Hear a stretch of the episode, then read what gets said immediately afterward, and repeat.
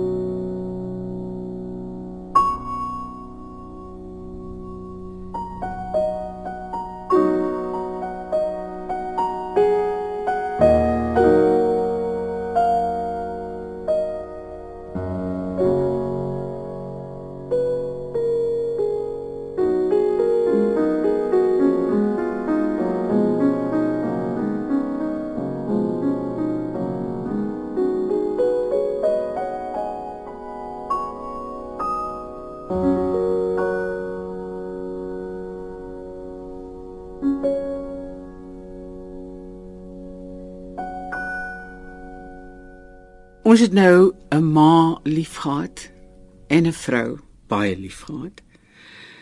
Maar die nagedagtenis aan 'n pa, luister hoe u elde Folie daaroor skryf.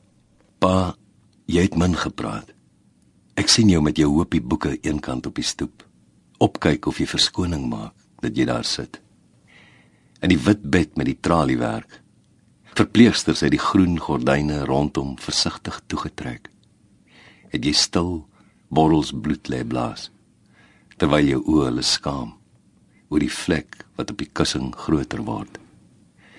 Die ou wond binne het weer oopgegaan. Klere in jou kas was soos jou woorde min.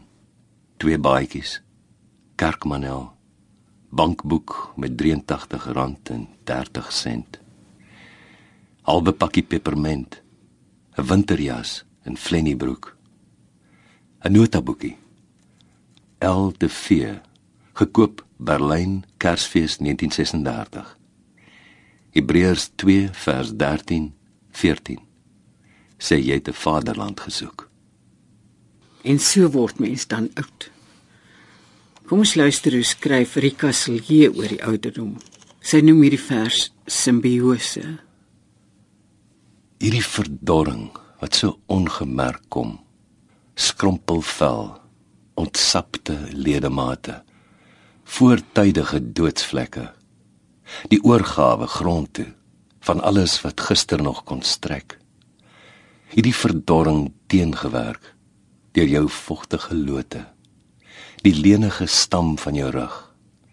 Haar wortelwimpers oor ontroebel oë uit onsigbare huidmondjies op jou vel.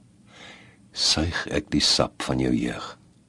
Een van die gedigte wat my oog nogal dikwels vang en wat ons nog nooit gebruik het in vers en klank nie, is 'n gedig van Wilhelm Knobel, 'n elegie en dit klink so. Erns in die Atlantiese Oseaan is jou liggaam ter see gelaat, in geen benouende seil gewikkel nie.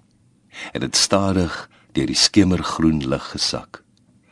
Tussen kleurige tropiese visse wat vir 'n oomblik verskrik is, om dan weer soos mossies nuuskierig byeen te drom en die vreemde gebeure gretig maar geheim in die roering te bespreek.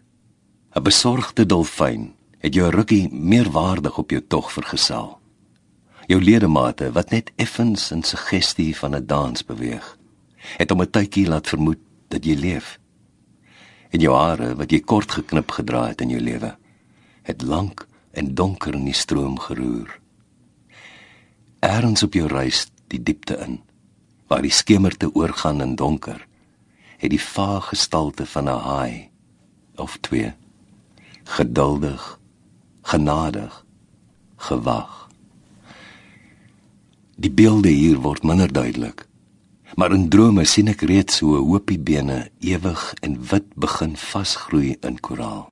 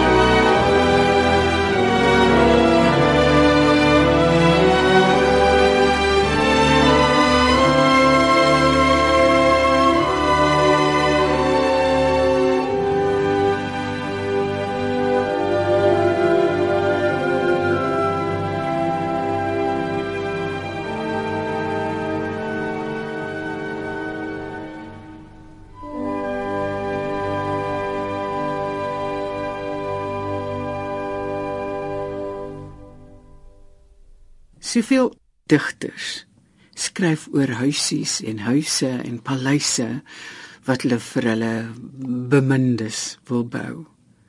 In Afrikaans het ons 'n hele paar self daarvan. En ek het drie gekies vir hierdie program. Koos Kombuis se Florona wat die wonderlike ehm um, posisie behaal het van 100ste wees op die 100 gewildste Afrikaanse gedigte. Kom ons lees Florona van Koos Kombuis, maar destyds toe hy dit geskryf het, was hy nog Andre Letoy. Ek wil vir jou 'n gevelhuisie bou in die boland van my hart met 'n peerboom in die tuin en faadjies wyn in die kombuis en 'n tuinhekkie met krulle en boekrakke met saartge.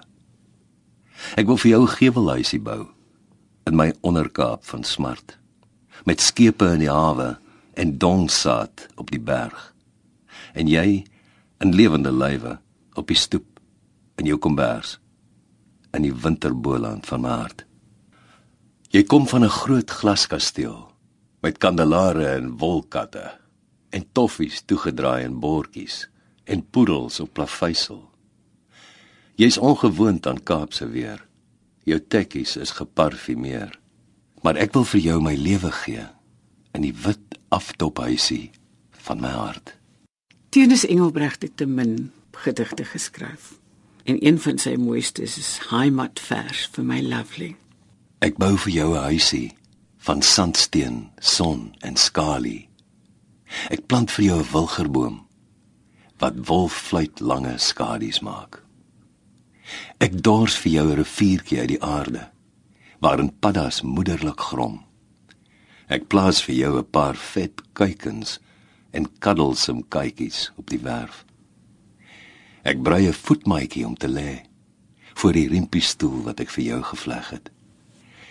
Ek vra die wolke om die blou lug plek plek melkwit af te werk. Ek gooi die damme vol water sodat ons kinderlik kaal daarin kan baljaar. Ek versamel stronke vir jou stofie sodat ons koffiewater lekker warm kan stoom. Ek berei vir jou 'n matras veerbedjie waarop ons nagte lank bymekaar kan doeks. Ek sit sterk vensters in die mure om Tokolossi buite te laat bly. Dit alles doen ek net vir jou omdat ek vreeslik baie van jou hou. Nog 'n digter wat vir sy geliefde duifie hierdie keer 'n huisie wil bou is Daniel Hugo in hierdie kwatryn van hom. Luister net wat maak hy met die woorde en die klanke is pragtig klankryk. My duifie, ek gaan 'n boomhuis timmer tok met 'n spardeur wat die son na binne lok en 'n sinkplaat dak waarop die reën kan raas. Dit dan, my lief, is ons duifboomhuisie hok.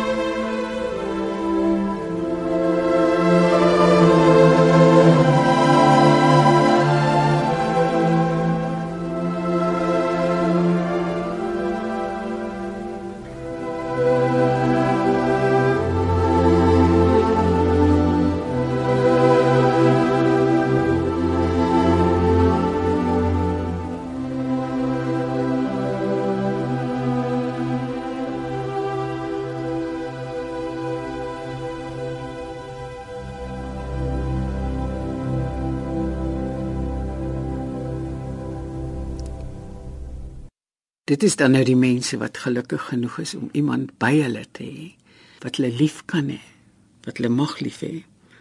Baren Turin het in New York in 1965 'n eensame periode ingegaan. Kom ons luister nou. Verliese. Ek klim die trappe op na my kamer. Afwesigheid klim ook saam. En as ek my stoel nader trek aan die tafel, sit afwesigheid ook aan. Ek eet dit soos die vetterige eiers. Ek lepel dit in my kitskoffie. As dit so aanhou, spreek ek dit nog seker aan. Naand oubaas afwesigheid. Naand. Met egskeiding se naam. En hoe is uh, leegte in die lug? Ek kruip in my bed. Afwesigheid lê koud aan. Ek het 'n paal met gesaal en is nooit alleen nie. Hy hou my te styf vas. Ek versmoor in sy arms.